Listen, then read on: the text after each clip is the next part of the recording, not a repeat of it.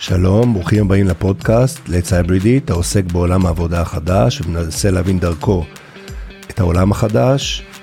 אני תמיר ליאון, אנתרופולוג, יישומי, ואני רוצה לתת בצורה ממוקדת חמש תובנות על הזומרים, מה שנקרא דור ה-Z בשוק העבודה. חמישה דברים. אחד, הם שונים. למבוגרים יותר נראה שדור ה-Z הוא בעצם המשך ברור למילניאל, זה דור ה-Y.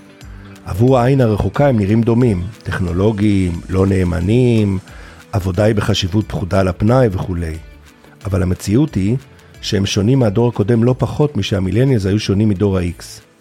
אם אתם רוצים לבדוק זאת, תשאלו את המילניאלס על האח הקטן שלהם. הם יגידו לכם, אנחנו לא מבינים אותו. בדיוק מה שאמרו עליהם בזמנו. מה שזה אומר הוא שצריך לבצע התאמה הדדית בינם לארגון. 2. הם יותר נאמנים, אני יודע שזה יפתיע. עוד לפני הקורונה, זמן השהייה הממוצע בתפקיד בהייטק כבר ירד מ-2.8 שנים ב-2016 להרבה פחות עד לשנה. זה מצב שבו אתה בחיפוש עבודה מתמיד. החל מהרגע שהצטרפת לעבודה חדשה, אתה כבר מחפש עבודה. דור ה-Y יצר את המצב הזה כי הם יכלו. ההורים שלהם, הבומרס, עבדו כל החיים, חסכו, ובעיקר הוציאו הרבה פחות על עצמם. לשב בית קפה היה אירוע, לפעמים אירוע של יום הולדת עגול. את הגרביים היו מתקנים. גם עכשיו, או גם בתוך תקופת הקורונה הקשה שהייתה, היו כאלה מהמבוגרים שלקחו הלוואות על הפנסיה כדי לתת פוש לילדים. אז לעזוב עבודה עבורם היה יותר קל, כי יש לך גב כלכלי. אבל ההורים של דור ה-Z הם דור ה-X. הם אמנם עבדו הרבה יותר קשה, אבל גם הוציאו הרבה יותר על עצמם. הבומרס היו דור של מהגרים. מהגרים מקריבים, מקריבים את עצמם ובונים גוש, גוש קשר לילדים. הבאים אחריהם מדברים על הילדים, אבל בפועל שמים את עצמם לפניהם. רוצים לחיות טוב ולתרץ לעצמם למה הם עובדים כל כך קשה. זה אומר שהיכולת של דור ה-Z לנוע בין עבודות היא פחותה. ברגע שיגיע משבר כלכלי אמיתי, כזה שלא מונשם על ידי המדינה, הזומרים יצמדו לפרנסה. כבר עכשיו, הייתי ממליץ למנהלים לחפש בזהירות את זאת או את זה, שיהיו מוכנים להישאר יותר בחברה ולגדל אותם.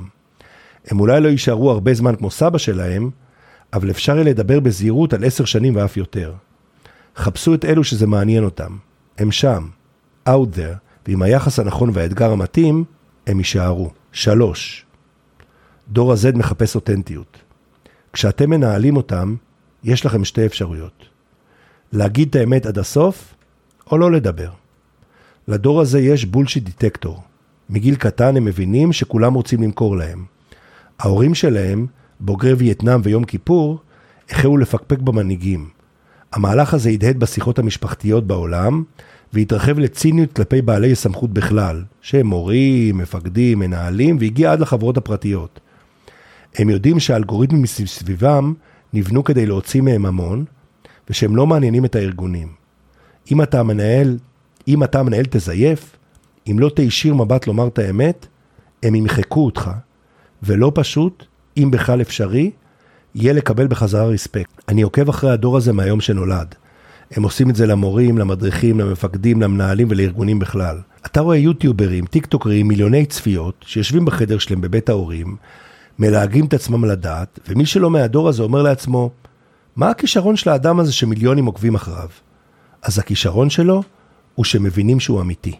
ארבע, הם מכבדים אותנטיות. זה הצד השני של המשוואה. אם תדע לבנות אמון, לשדר אמינות ולא להתחמק, אתה תהיה המנהל שילכו אחריו. והם יכולים ללכת, ויש להם הרבה כישרון לתת.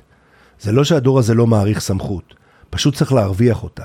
זה שאתה מורה, גנרן, מנכ"ל ראש הממשלה, זה כבר לא עובד. אבל אם תיתן, יש סיכוי טוב שגם תקבל.